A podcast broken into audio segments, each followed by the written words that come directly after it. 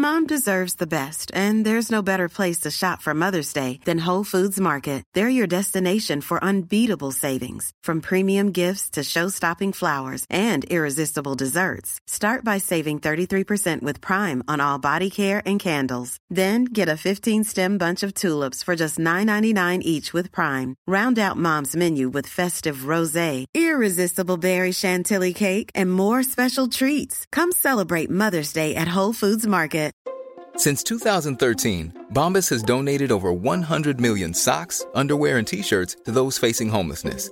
If we counted those on air, this ad would last over 1,157 days. But if we counted the time it takes to make a donation possible, it would take just a few clicks. Because every time you make a purchase, Bombas donates an item to someone who needs it. Go to bombas.com slash ACAST and use code ACAST for 20% off your first purchase. That's bombas.com slash ACAST, code ACAST.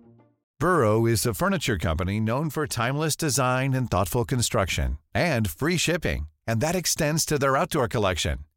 Their outdoor furniture is built to withstand the elements, featuring rust-proof stainless steel hardware, weather-ready teak, and quick-dry foam cushions. For Memorial Day, get 15% off your Burrow purchase at burrow.com slash ACAST and up to 25% off outdoor. That's up to 25% off outdoor furniture at burrow.com slash ACAST.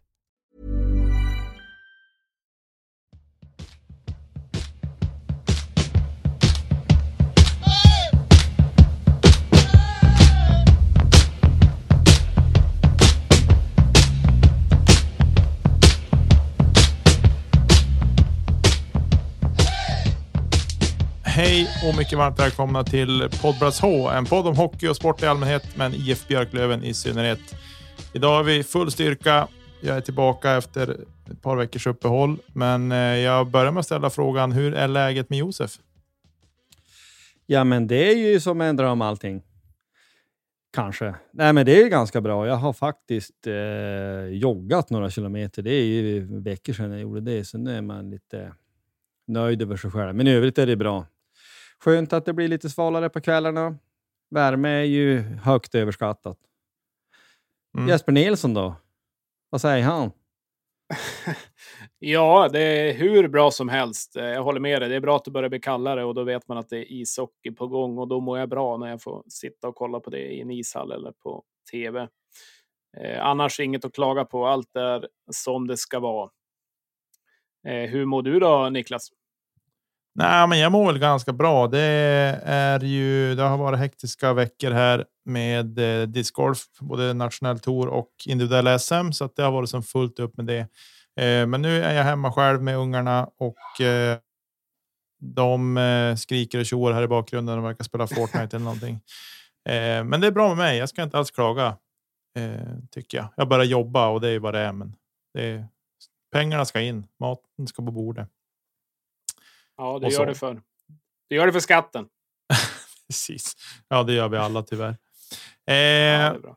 idag då ska vi prata lite träningsrapporter. Vi ska snacka upp matcherna som kommer nu till helgen och så sen som alltid lite övrig idrott i slutet.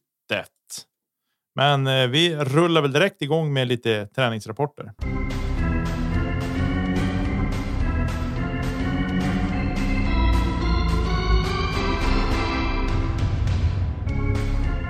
Ja, Ja. vad vet vi? Josef, Ja, har du vad något? vet vi egentligen? Ja, nej, men det, det finns ju de som eh, eh, rapporterar och kollar lite på det här närmare, eh, definitivt närmare än mig. Jag bor ju 80 mil därifrån. Så ja, det uppskattas ju, ju verkligen. Det var ju också en eh, eh, längre intervju på Björklöven Play härom, häromdagen med, eh, eh, med, med, med tränaren också. Så det var ju, uppskattar man ju verkligen att man får liksom den, den inputen någonstans. Man är, man är liksom så hungrig efter hockeyn. Så vi kan väl gå på direkt någonstans. Vad vi har förstått då, tidigare i veckan så har hur laget har ställt upp och så kan vi ta reflektioner därifrån. Ja, det är Voutilainen och Thelin. Eh, det finns ju ingen sill att prata om. Vi väntar ju fortfarande på en målvakt, men förhoppningsvis så dyker det upp här så småningom, vilket vi har sagt i veckovis. Men forwards har ju ställt upp enligt följande. Eh, Mustonen, Weigel, Pooley, Postler, Olofsson, Hutchings, Bengtsson, Fitzgerald, Fortier, Wiklund, Andersson, Ekefjärd.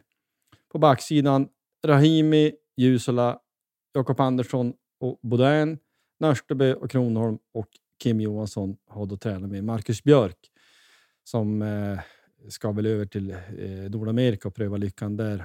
Det är väl ingen större eh, profetisk gissning att säga att Wagner, som nu är det ju Tröja, kommer köra då istället för Björk där. Men vad, vad tänker vi spontant då? Vad tror vi om de här linorna om vi tänker att vi i alla fall går in i utträningsmatcherna med dem? Ja, jag eh, har ju bara varit på en träning då, den öppna, och då, då körde de ju ja, det vart ju inte riktigt likadant, men eh, ja, det ser väl, ser väl bra ut. Eh, vi, vi har ju fyra ganska, ganska jämna kedjor ändå, eller fyra kedjor som i alla fall kan producera på lite olika sätt. Eh, sen exakt hur de kommer ställa upp nu mot Vasa och så blir väl intressant att se. Eh, men den ser ut att vara en stark trupp. Jag tycker väl det är en av de starkare trupperna just i en försäsong eh, innan när sen Kente kom hit just, i, just innan säsong i alla fall så känns det som att vi har ganska mycket styrka på, på många positioner. Sen eh, andra målvakt vill man ju ha in så snart som möjligt eller en första målvakt beroende på hur de tänker. Eh, vad tycker du om konstellationerna Josef? Ja, alltså jag tycker att det ser på papper det bra ut såklart. Det tycker man alltid. Man är som bäst nu i augusti egentligen. Då är man ju världsmästare. Men det, det ser ju intressant ut på papper definitivt. Och Alltså ett exempel, ta spontant Bengtsson, Fitzgerald, Fortier. Håll i hatten, det lär ju kunna gå undan. För de är ju starka på skridskorna allihop där. Men ähm, ja, det ska bli intressant. Mustonen, Weigel, Poli tänker man, det lär ju kunna produceras. Poli skjuter på allt som är, Mustonen är snabb och Weigel har bra handleder. Så att eh, Ja, det ska faktiskt, jag, jag ska ärligt säga, vi kommer in på det om en stund med, med träningsmatcher. Tidigare har man ju tänkt att men blås igång serien, skit i träningsmatcher. Men nu, nu ska det nästan bli roligt att titta på i helgen. Faktiskt. Vad tänkte du då Niklas? Nej, jag har ju inte sett någonting alls eh, mer än att jag har sett lite bilder och så där. Eh, så att jag ska väl egentligen inte ha så mycket åsikter mer än att jag tittar på de här eh, linorna som är uppsatta av backparen så tycker jag att det känns otroligt spännande och eh, jag är precis inne på samma sak som dig Josef, att, att den linan med, med Bengtsson, Fitzgerald och Fortier, där kommer att gå undan. Helt övertygad och jag tror att de kan nog åka sönder de flesta försvar faktiskt. Eh, sen också en härlig konstellation tycker jag att det är med Postler, Olofsson och Hutchings.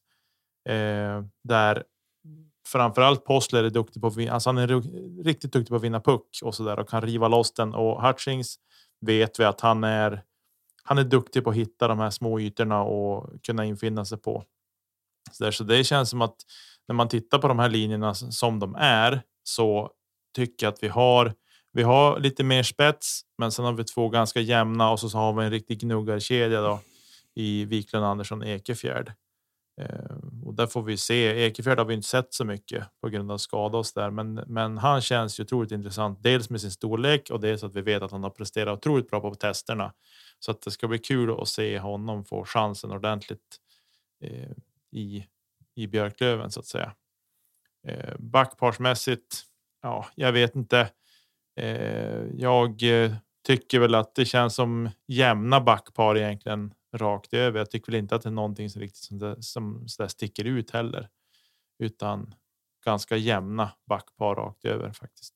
Det är väl när Vainio är tillbaka så vet han med hans skridskoåkning så så kan det bli riktigt bra i den med om han nu ska spela tillsammans med Kim Johansson vill säga. Så att, ja, det är väl min take på det hela.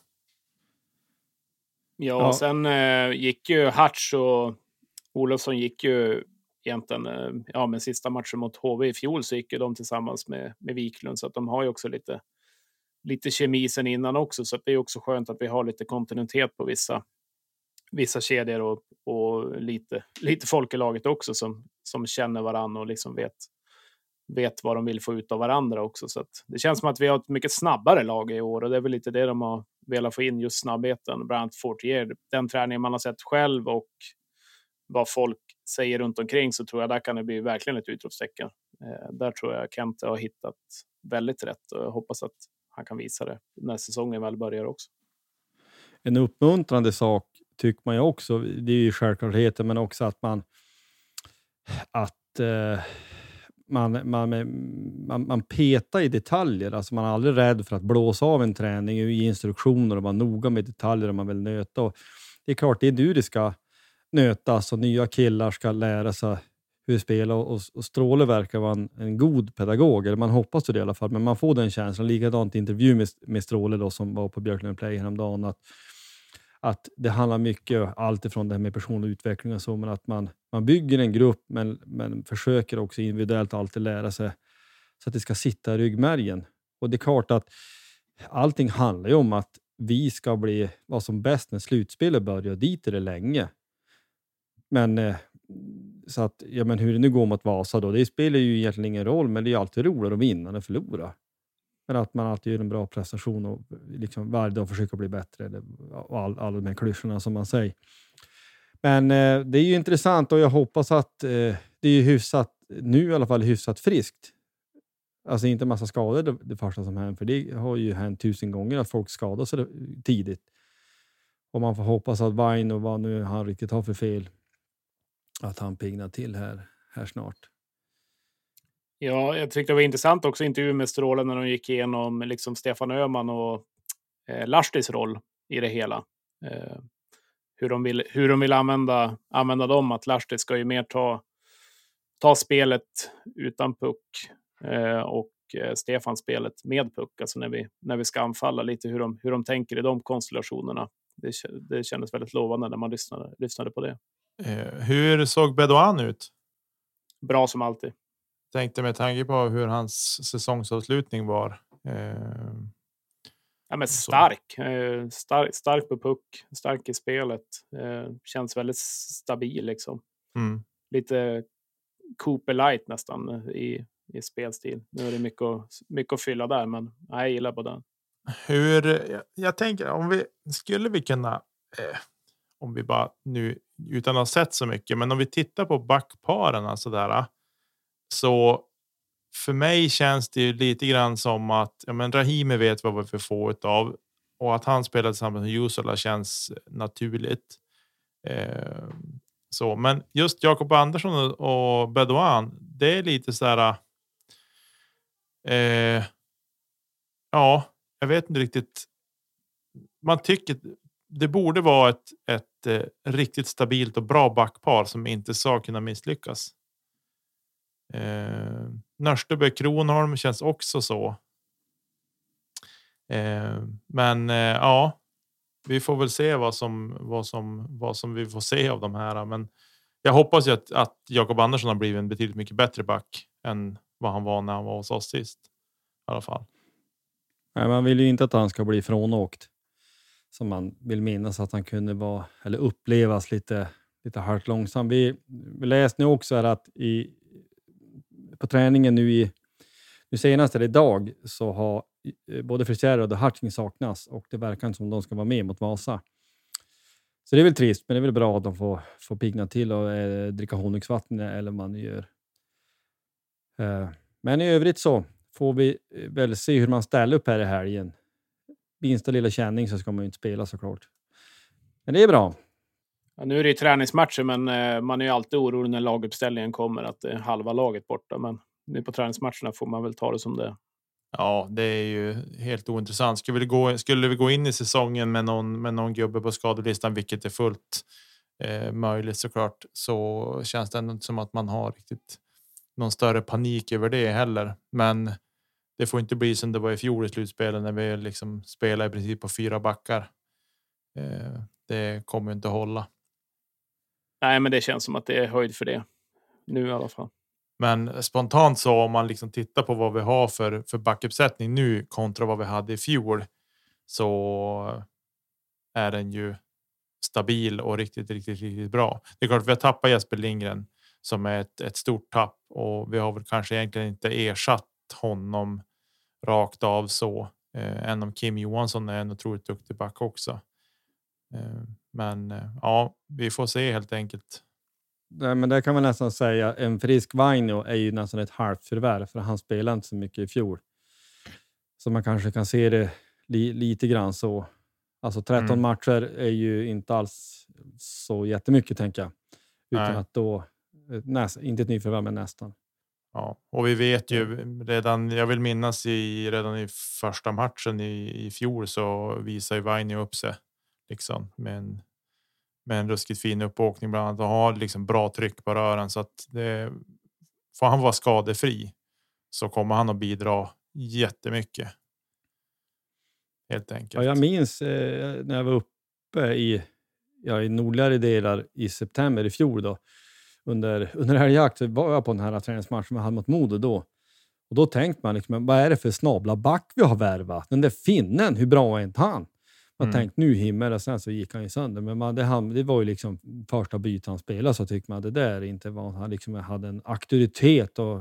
Ja, men du vet, som en sån här, är bara en chef. Mm. Som sagt, är han frisk så är det något riktigt bra. Men eh, det flyter lite in i varandra, men vi kan väl... Eh, ja, det är två matcher nu mot Vasa. Vad va, va, va tänker vi där? Liksom att, ja, men nu är det back-to-back -back, eh, fredag, lördag. Eh, vad kan man förvänta sig? Bryr man sig? Ja, det kanske man gör, men hur mycket bryr sig? Vilka frågor har man och vad kan man förvänta sig för svar på sådana frågor? Ja, vad säger ni? Ja, ja, alltså det verkar ju som att eh, finnarna har bättre koll på oss än vad vi har på dem. Eh, I alla fall om man om man liksom ska tolka saker och ting. Men jag är lite sådär. Eh, jag har ingen koll alls egentligen på Vasa alls, mer än att jag vet att vi har en del spelare som har gått dit från oss eh, och det är nära och enkelt att ta sig dit med färjan och, och så där.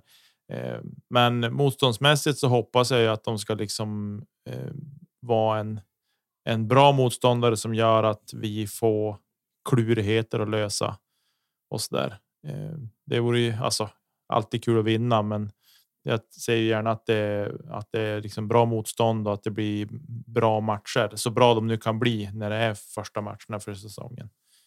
Ehm, och eh, mest, jag är mest spänd på att se alla nyförvärv. Det är väl det som jag ser mest fram emot med de här matcherna.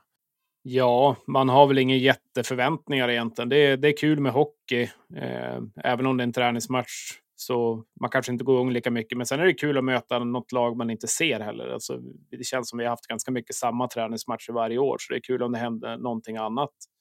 Eh, bra att kunna få utbyte lite med varandra. Det är ändå så pass nära till Vasa, så att Sen, ja, de har ju ganska mycket svensk intresse i sitt lag. Ja, men Lök är ju där till exempel. Och så det kan vara kul att se och framförallt kul att se lite grann hur Löven ställer upp och vilka som kommer sticka ut i Löven. Jag hoppas vi får något powerplay och att man får se någon tendenser till vad som händer där och vilka som ska spela med varandra. Så att det är väl mer med sådana grejer. Själv Josef? Nej, men alltså, vad, jag tittar och tänker, alltså jag har ju rätt dålig koll ska jag säga. Men vad, vad har vi på finsk hockey överhuvudtaget? Alltså att de på landslagsnivå har steppat upp eh, och nu, ja, då vinner VM ta, hela tiden. Ja, alltså. men liksom så här, och gå, har gått långt i OS. Och det, är ju, det får man ta för vad det är, de turneringarna. Det är inte alla som är bästa som är med, men att man ändå har steppat upp. Jag menar, som jag minns det, jag menar, längre tillbaka, så visste man att finnarna har alltid bra målvakter. Men eh, eh, liksom, och jag minns ju såklart när de vann VM 95 var det väl. Det var just det storslaget första gången de vann. Men att finsk hockey i stort har väl som step upp. Men jag har ingen aning om man kan säga att man, man brukar väl generellt säga att i Sverige, ja men där är, åker man mycket skridskor och eh, ja, men de har lite andra rinkmått. Hur, hur ser liksom hockeyn ut? Om man nu kan säga generellt, vilket man nog inte kan, men om man ändå gör ett försök. Spelar de mer defensivt eller är det stenhårt tuta och kör som om man nu ska jämföra med Sverige? Eller hur, hur spelar Finland hockey överhuvudtaget? Jag vet inte. Mm, spelar väl ganska strukturerat. Alltså, de vill väl spela lite, lite svenskt på, på det sättet. Men blir väl kanske lite mer tuta och kör när de har lite mindre rinkar och, eh, och så. Eh, men sen eh, finska ligan brukar vara ganska svår att komma in i som svensk också. Det är ju många svenskar som har åkt dit och inte lyckats speciellt bra heller. Så de verkar ha haft svårt ibland att kanske få in svenskar i laget. Men eh, de har ju lyckats bra på landslagsnivå, helt klart. Sen finska högsta ligan, Vasa är ju ett bottenlag i princip. Så att mot Hockeyallsvenskan, det, det borde nog kunna vara ganska, ganska jämnt skägg där egentligen lag, lagmässigt, ska jag gissa. Ja, det ska bli spännande som sagt. Var och se. Jag är mest spänd bara på att se vad vi har för forwards och och så där och hur våra backar ser ut egentligen. Det är väl det som är och vem som skjuter hårdast. Det är sådana där små grejer som jag kan intressera mig för. Åker du över Josef? Eller mm. ja, inte Josef, men Nicke då? Nej, tyvärr. Jag är själv med barnen då frun är i London av alla platser. Eh, så att jag blir hemma här. Men eh, på lördag ska vi gå på matchen är det tänkt. Så så att eh, hemmamatchen ska vi se. Ja, men Josef, du tar väl bilen? Ja, det borde man väl nästan göra, men det kommer inte att bli så. men nej, men det ska bli kul att se. Ja, Björklöven Play då återigen, de kommer att sända där. Så det blir bra. 19.00 va? Eh, det borde det väl vara. Eller om det är finsk tid. Ja, ja det, det finsk 19 folk... så är det väl 18 här då? Ja, i så fall. Det får man väl kolla upp lite. Någon kan ju googla under tiden vi sitter och babblar här. Men det, det ska bli kul att se, se hockey igen, oavsett om det är träningsmatch eller inte. Mm. Absolut. Eh, och som en stor krydda på moset så har ju du Jesper pratat med den före detta Björklövenspelaren och, och Vasa-bekantingen Filip Riska. Och det samtalet tar vi och klipper in här.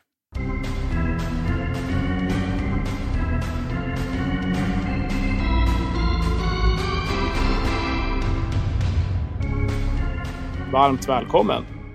Tack ska du ha. Roligt att vara med. Eh, hur kom det sig att det blev Björklöven? Eh, för det första, bakgrunden så är jag uppväxt i, utanför Jakobstad, en liten kommun som heter Pedersöre i Finland, där 95 procent pratar svenska.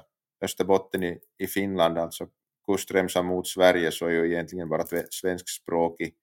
Och eh, på, i min barndom så följde jag mer, mera hockeyn i Sverige än i Finland från att vi såg alla svenska kanaler, så på Hockeykväll och allt sånt och Sportspegeln och TV4 Sporten och allt det här. Kanon och kalkon och allt sånt legendariska program som fanns. Så, och klart, Umeå är nä, nära Österbotten i Finland så då blev förstås Björklöven ett av de lagen man följde extra mycket. Andra lag förstås var ju Djurgården och Frölunda och sådana som jag gillade otroligt mycket. Och jag minns i ungdomen någon gång var ju alltid en dröm om man någon gång får chansen så kommer jag att ta den, spela någon, någon av de här, de här lagen. Nå, säsongen 2017-2018 här hemma i, i Vasa Sport i finska högsta ligan så laget gick otroligt dåligt.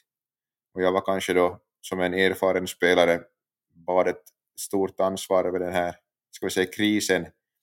Och runt jul så, så var det prat, vår tränare sa rakt ut att om jag vill spela, fortsätta spela hockey så det, ska, nu, nu ska jag ta chansen och åka vidare någonstans för att föreningen går så dåligt och att jag ser så dålig ut i min ålder också att med ett sådant resultat att får du chans någonstans så ta chansen. Och in, ska man vara ärlig så inom hockeyspråk, hockeyspråk betyder det att man snart håller på att få sparken. Och då, då förstås, jag började agera, jag pratade hem, vi hade ju tre barn redan då, inga, jag förstod att familjen kommer inte åka med.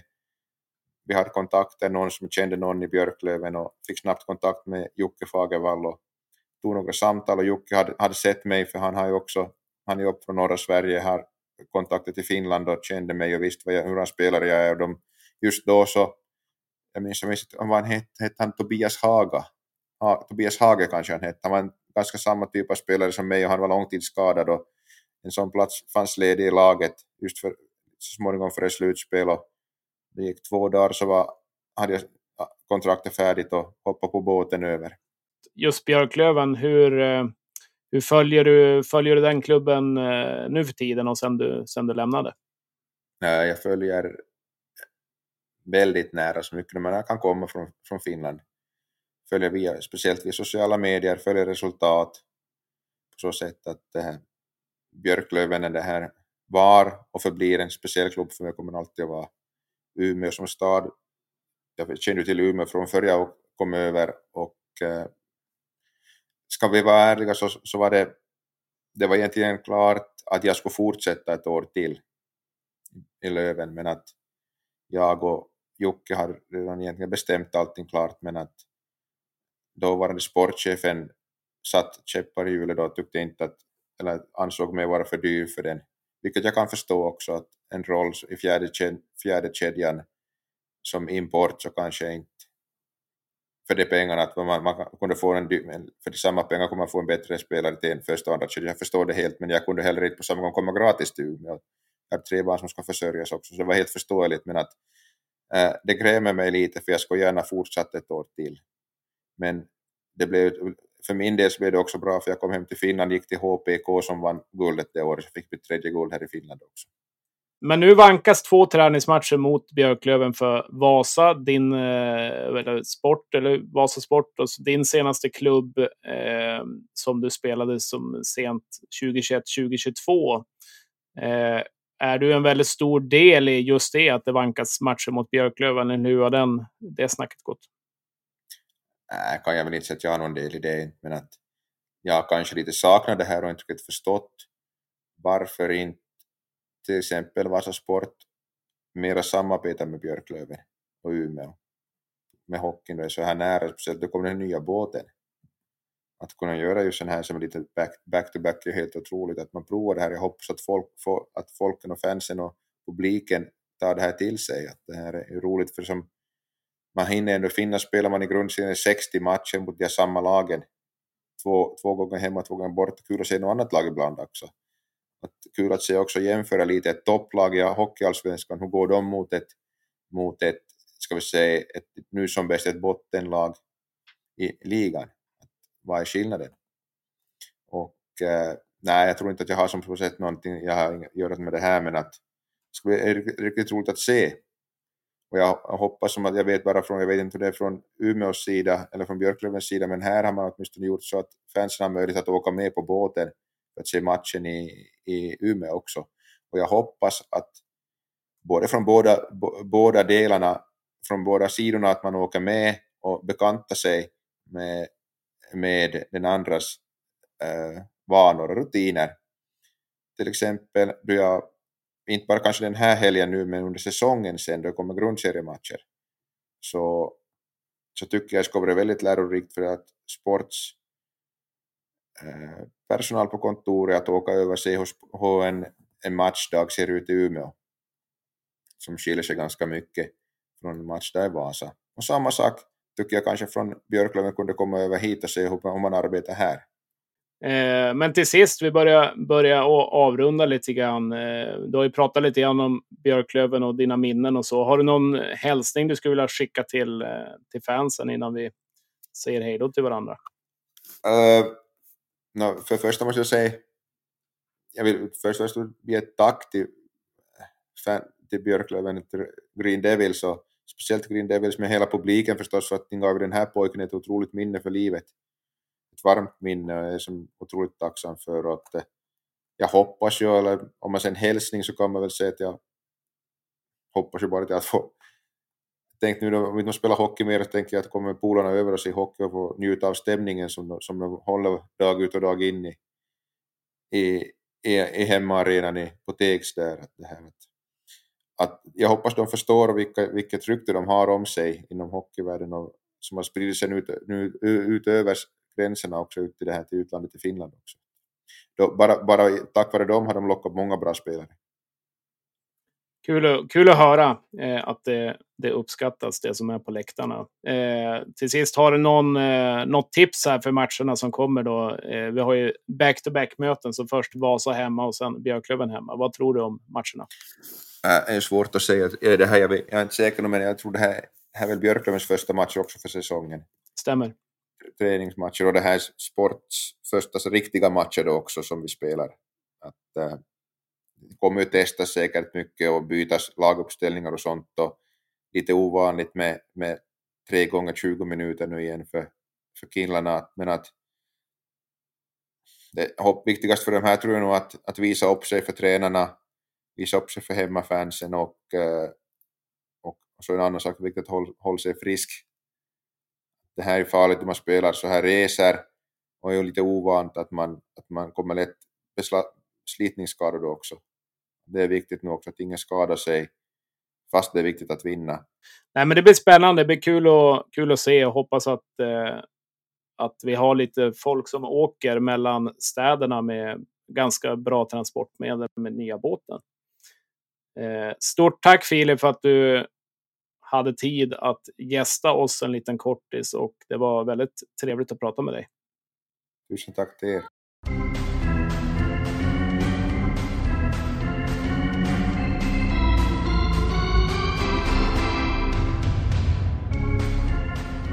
Ja, det är ju inte bara Björklöven som träningsmatchar, utan det har börjat tuffa på för, för lite andra, eh, andra hockeyallsvenska lag. Vad har du på det Jesper? Du har ju bättre koll än mig i alla fall. Ja, nej, men eh, det som sticker ut såklart är väl att eh, Kristianstad har eh, lyckats besegra Växjö och idag tog de sig an Rögle vann med 4-2. Det är väl ändå lite anmärkningsvärt och nu är det ju träningsmatcher och allt vad det innebär, men de, de tar ändå två segrar mot mot två egentligen lag som ska vara på den övre halvan, halvan i SHL, så det, det kan man väl inte snacka bort. Eh, Djurgården gjorde sin första träningsmatch idag mot Almtuna, vann med 5-4 efter förlängning och vår tidigare bekantskap Olle Liss avgör efter 20, 20 sekunder in i förlängningen. Och eh, annars från den matchen är väl egentligen att Djurgårdens, ja, vad ska man kalla det, första kedja, Östlund, Kryger och Brodin levererar ju ganska fint med ja, egentligen alla poäng i den matchen, förutom de med Olle Liss. Så det är väl det jag har, har på det. Sen har vi inte följt, följt något mer än det. Ni då? Nej, jag har inte följt några träningsmatcher alls faktiskt. Jag sitter bara och väntar på att Löven ska spela sina matcher så att tyvärr har jag ingenting att ge er i den på den delen. Nej, men det är ju så. Alltså, träningsmatcher är träningsmatcher och resultaten betyder ingenting. Men det är ju alltid roligare att vinna än att förlora. Alltså vad man än spelar, det säger sig självt och det, det är ju väldigt uppenbart att det måste väl alla andra lag tycka också. Det är väl roligt att få en skjuts för Kristianstad till då till exempel att ja, men du slår meriterat motstånd i högre ligor och det är väl kanske lite självförtroende boost när du går in i säsongen. Men det betyder ju ingenting en sketen tisdag kväll i november när du ska fara till Tingsryd om du har vunnit någonting i augusti. Men det hela spelet går ju ut på att, eh, att vinna i någon mening så träningsmatcher eller ej så är det roligt att vinna. Men det är väl klart att man vill sätta, eh, sätta någon, slags, någon slags struktur. Så är det ju. Nej, men det är, vad, om vi skulle ja, vi frågar lite innan det här med rimligt att förvänta oss och vilka frågor vi har. Jag, jag tänker som, som, ni då, att ja, men kan man hitta lite ja, men struktur? Eh, har vi helt i hållet gått ifrån det här att passa in mot mitten och ut sen på forward eller på center. Alltså är det liksom en spelidé som var helt har, har lämnat? För det tycker jag var ganska stor skillnad direkt när Stråle kom in. Och jag gissar ju att det, kom, det gör vi inte längre, utan uppspelen ser lite annorlunda ut. Så det vill man ju se. Precis som du säger, likadant specialty teams, det är lite tidigt, men man kanske kan se vilka som ska spela. Och eh, eh, finns det någon som helst tendens? Det vore ju roligt om Melker Thelin fick spela en match utav de här två. Det hoppas och tror jag att han kommer få göra. Hur går det till när det börjar bli lite mer, ja du får spela mot riktigt vuxet folk och född 2005 och allt det här. Mm. Eh, så det är väl sånt man vill se. Ja, ja, det är väl det, men just struktur som du är inne på och lite vad, vad Stråle kan fortsätta få in i, få in i gubbarna. Ja, men lite nörderi är ju kul, alltså rent spelet, hur, hur det ser ut. Eh, sen resultatet är ju vad det är. Det är väl en match på försäsongen som vi ska vinna och det är den mot mot Skellefteå för att ha lite heder i behåll på de matcherna. Men annars så är det väl lite skitsamma hur det går faktiskt. Ja, eh, precis så är det. Ja, vi kan konstatera att nu börjar det dra ihop sig på riktigt och eh, det är ju faktiskt, nu kan man börja räkna, inte dagar, men räkna med veckor tills faktiskt serien börjar. Det ska bli fruktansvärt roligt. Det, det må man ju säga. Vi kanske går vidare Lite övrig sport. Du nämnde ju det lite Niklas. Nu vill vi ha lite info från discgolfens värld. Take, take it away, människa. ja, eh, för eh, lite drygt två veckor sedan. Eller ja, nu blir det ju. Jo, två veckor sedan. Då var det nationella touren i Luleå på Serpent Hill, Ormberget. Eh, och där var jag med själv och tävla. Började väl. Det var ju tre runder. Börja första rundan spela helt okej. Okay. Var väl med ja, när det hade gått ett par timmar efter rundan, då var jag nöjd. Jag var inte jättenöjd direkt efter rundan och tänkte ja, men nu har jag någonting att bygga på. Men sen jag kan nog säga de två kommande rundorna. Jag har aldrig spelat så dålig discgolf någonsin tror jag. Eh, knappt ens när jag började spela discgolf för 20 år sedan. Det var smärtsamt jobbigt och var så på så dålig nivå. För att knyta an till hockeyn det var lite, lite så här. Eh, Björklöven Mora 3-8. Eh, så över mitt spel. Eh, sen förra helgen så var det individuell SM på discgolfterminalen i Bergsbyn, Skellefteå Eh, där eh, de spelade fyra runder där. Där var jag inte med själv utan jag var där i form av förbundsmänniska där jag sitter i Svenska discgolfförbundets tävlingsgrupp. Och så jag var bara där och mös omkring och fotade lite och filmade lite och så. Och där den snart 47-årige Anders Svärd tog sitt sjätte individuella SM-guld.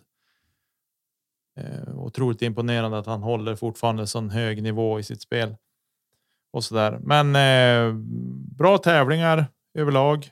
Ingenting. Det fanns väl lite små grejer man kunde eh, tycka till omkring arrangemanget så, men i övrigt så var det kalasfint. Eh, inget, inget dumt att säga där. Och nu när vi är lika inne på discgolfen så kan jag säga så här att eh, Brody Smith, många kanske vet vem man är från Dude Perfect bland annat. Han har hållit på med Ultimate Frisbee och varit otroligt framgångsrik där. Han har nu en beef med en som har vunnit fem VM-guld i discgolf, Paul Macbeth. Eh, de spelar för samma team och allting, men där är det någon beef nu för de, de är riktigt ovänner med varandra. Så det är lite så här kul på Discord-sidan. Det händer inte så mycket där annars, men nu händer det grejer så att nu är det spännande där. Att man sitter och följer på Twitter och annat och så. Jaha, men är det, är det kravaller på gång? Ja, det är lite kravaller på gång. Det kan man. Nej, det är det inte så.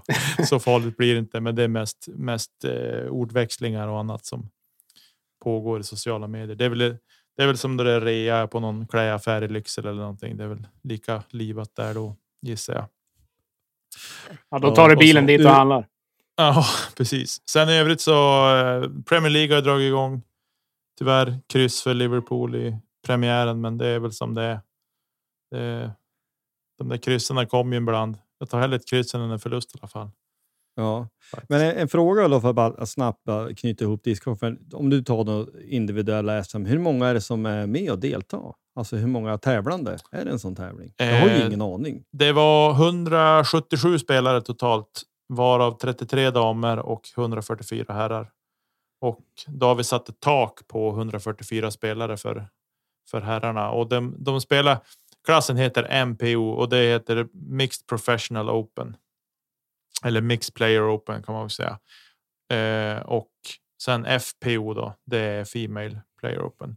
Eh, och i Mix två damerna var med och spela, men det blir ju i stort sett att det blir bara gubbar som spelar. Men det var 144 spelare med i för gubbarna och eh, för damerna så var det 33 spelare med och spelade och då var det ändå ett par spelare som saknades på damsidan och så. Men där fick vi en ny, en ny svensk mästarinna. Eh, Sofie Björlycke som har dominerat och har väl fem raka som guld. Hon blev tvåa och där Hanna Jansson från Hofors fick kliva högst upp på prispallen efter att ha spelat en otroligt fin och stabil sista runda. Hon spelade alla fyra runder bra, men men sista rundan var extra stabil i discgolf är det ingenting att damerna går från olika tio och så, utan alla kastar från samma.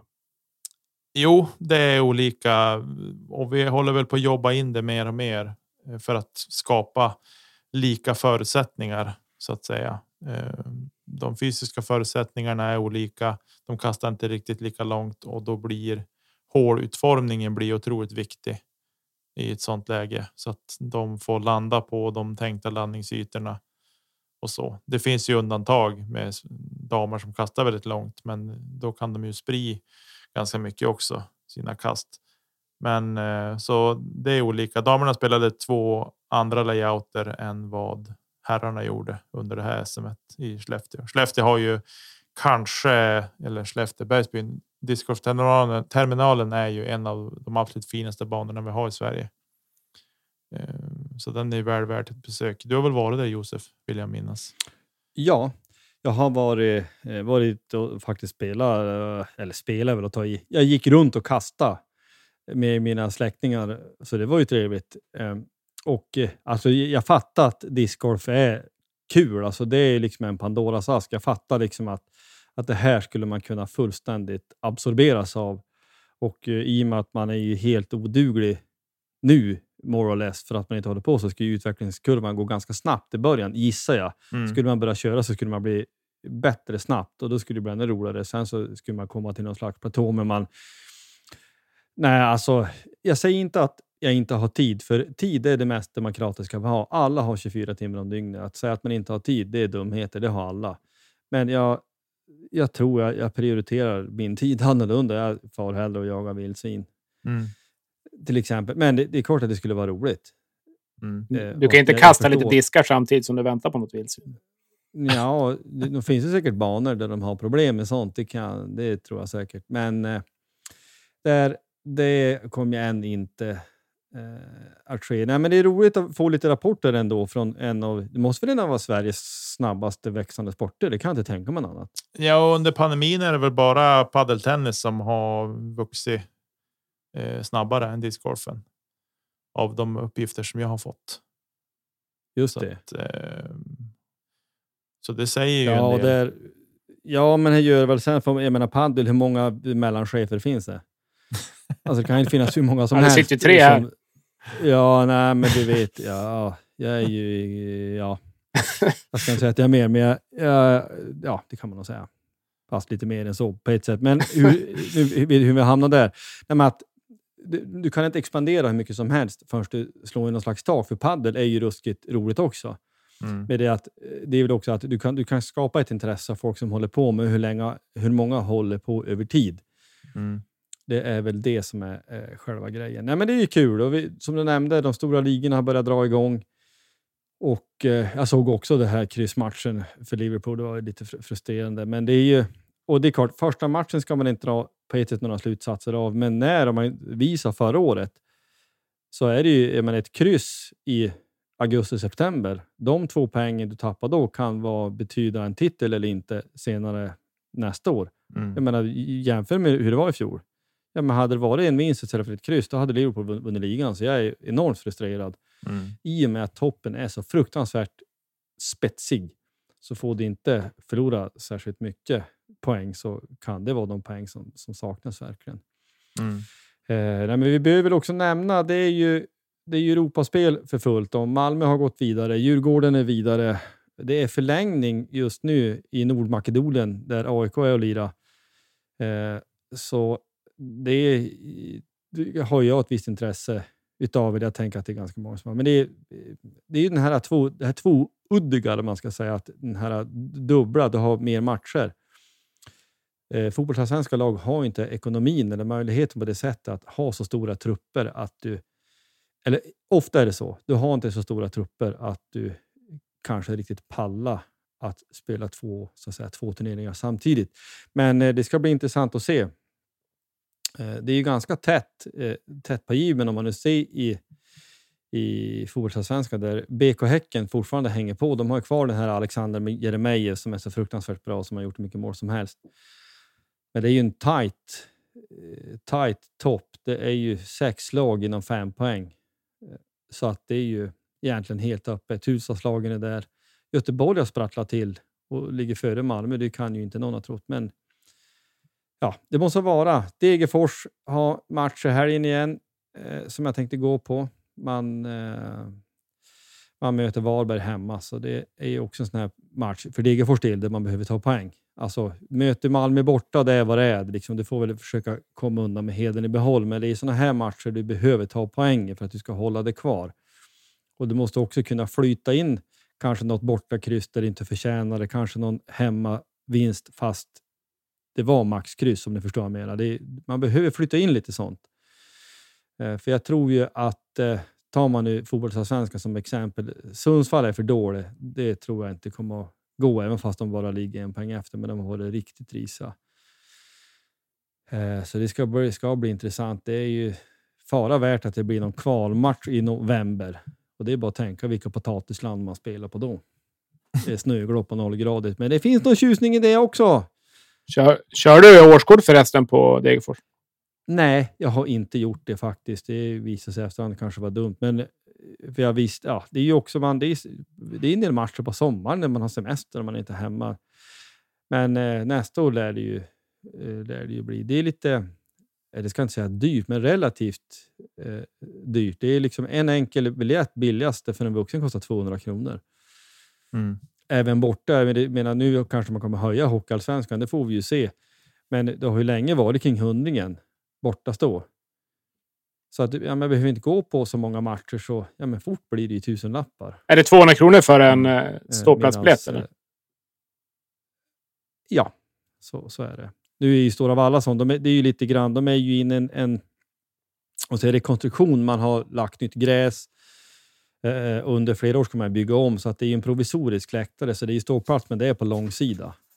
Men det är den billigaste. Men även kortsidebiljetter, alltså bortastå, kostar 200.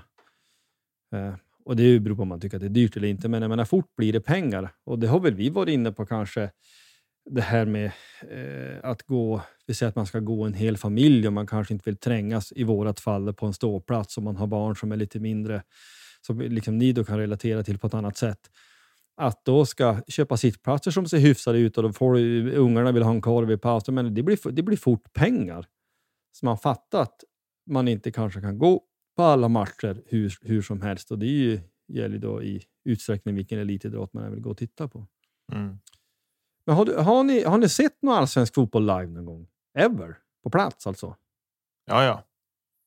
Det har man ju. Back in the days när UFC spelade i, spelade i allsvenskan, typ 95, 96 eller var det 96, 97 de spelade i allsvenskan? Ja, 95, det var ju- 96 tror jag var. ja, 90, nej, men 96, då, det är ju en säsong är ju samma år. Vi spelar ju vår höst. Ja, men just det. Just det. Eh, så 96 var det. Var det nog, ja. med Precis. med Shamu Kwaye i spetsen. Shamu Kwai, Steve Galloway, Örjan Engström. Ja, vi hade fina. Det är många som hävdar fortfarande i den här äh, förhatliga kvalmatchen mot Ljungskile. Örjan Engström var inte offside. Det har man ju hört gubbar som idag. De är ju, Han var i luften. De är villiga att ta, ta gift på att det där ska... Nej, men det är ju...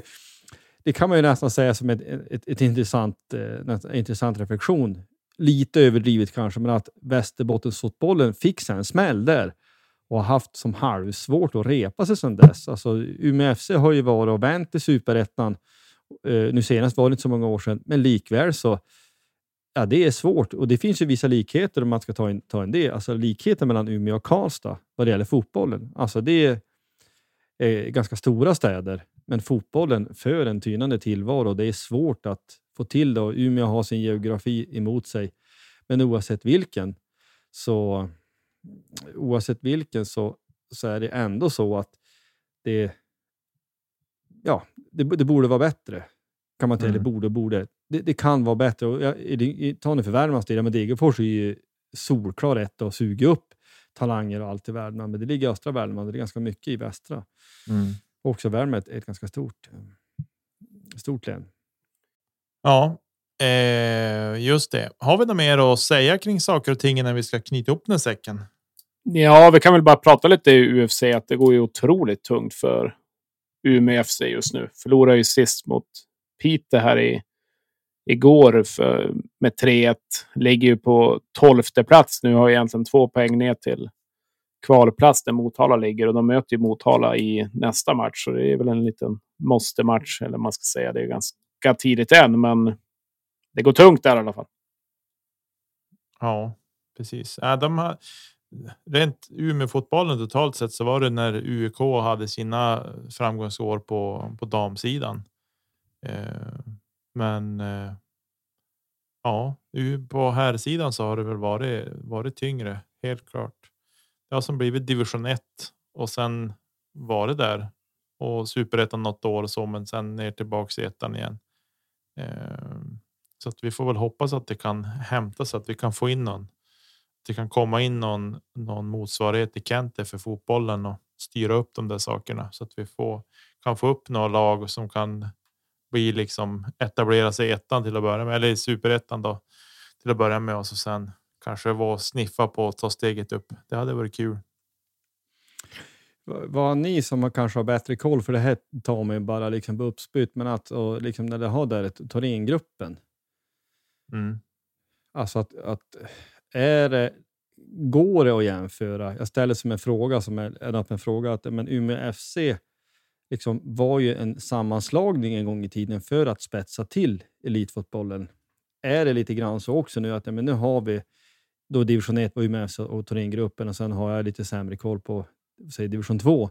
Men att man skulle behöva spetsa till det, alltså meningen att, men, att de allra bästa hamnade typ i samma lag. Är det lite samma problematik nu skulle ni säga, om ni nu har koll på det? Jag har ingen koll på det, men det, det, kan, det som känns spontant så tror jag att det skulle nog aldrig Thorengruppen ge sig in i spontant. Eh, så. Nej, de vill ju, de vill ju, de vill ju vara lite själv så att. Ja, så det tror jag inte. Däremot kanske UFC skulle vara intresserade av att få något samarbete med någon annan klubb, men under deras flagg såklart tror jag i sådana fall. Men eh, det. Nu är det, det väl svårt. Thorengruppen på väg ur också. De har ju sju poäng efter 17 matcher och ligger tok sist. Ja. Ja, och jag noterar att Umeå FC Akademi heter väl. De spelar i division 2 och ligger sist där. Mm. Så att det är ju. Ja, man har ju, det finns ju ingen quick fix för sånt här. För det är ju alla gör ju sitt bästa. Alla liksom går in i varje match för att vinna. Men och det är lätt att säga samarbete, men alla klubbar vill ju sitt eget bästa och man vill ju inte att man själv ska vara någon farmaklubb till någonting. Det vet ju vi, hoppas jag, mer än de flesta. Men eh, ja, det, ska bli, det får man säga, det är intressant. För eh, eh man tyckte ju, som jag minns det, ni kanske minns bättre, ta den här säsongen 96. Visst var det så att Umeå FC, det var ju typ sista omgången man hamnade på kvalplatsen. Alltså att man höll på, höll på att klara sig klar rent på tabellplacering. Vill jag minnas spontant. Och jag minns också att Degerfors spelade ju allsvenskan då också, så man mötte varandra. Men att man hamnade på kval och så var det när för Hala Ljungskile hade ju liksom, jag menar, en, en klubb som under vet jag många säsonger knappt förlorar en match och har sånt otroligt alltså medvind i precis allt man gör. Så hade då de här Vålemarksbröderna som var hur bra som helst för sin mm. tid. Ja, jag alltså jag.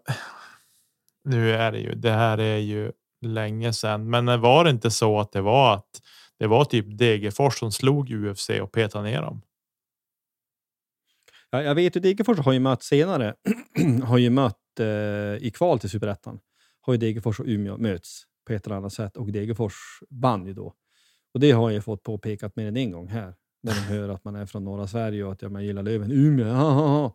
Degerfors, de slog de mina kval. Hur länge sedan det var det? Jag menar, det här tar vi som bakom örat nu, men, men, äh, men det vore ju bra för Umeåfotbollen. Jag, jag har ju inga sympatier, men då gillar, har man väl ett gott öga till UFC sedan länge tillbaka i tiden. Eh, och vi nämnde ju lite snabbt där Umeå IK. Det är väl jätteroligt att de är tillbaka i eh, är tillbaks i, i ja, fotbollsallsvenskan för damer och man hoppas att de kan kravla sig kvar. De ska, de har väl lite halvjobbigt liv på kvalplats nu, men det är ju jämnt mellan fyra lag, så lite tur så kan du kanske ordna till sig det där. Mm.